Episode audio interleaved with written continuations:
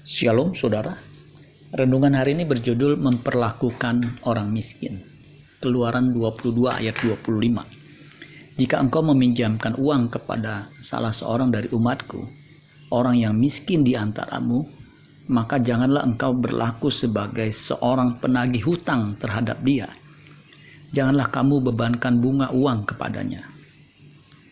Yang dilarang dalam hukum Taurat adalah meminjamkan uang dengan bunga yang tidak wajar alias riba atau rentenir kepada orang miskin.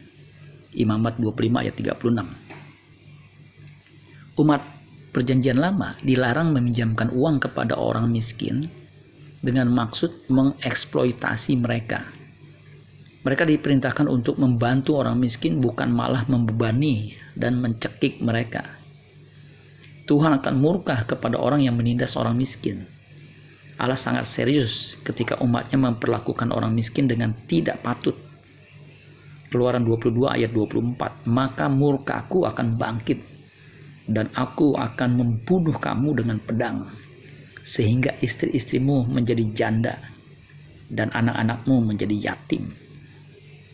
Orang miskin selalu ada di sekitar kita, bahkan sampai sekarang pun di dunia dipenuhi dengan orang miskin dalam publikasi yang dirilis Bank Dunia pada Selasa 31 Oktober 2017 dalam laporan Poverty and Share Prosperity di akhir tahun lalu ternyata 10,7% dari populasi global berada dalam jurang kemiskinan.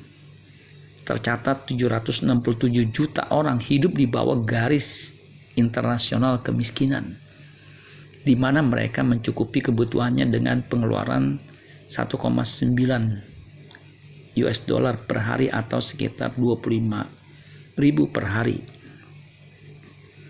Hampir 11 dari setiap 100 orang di dunia atau 10,7 persen dari total populasi berada di bawah garis kemiskinan yang paling dalam. Demikian dikutip dalam laporan Bank Dunia.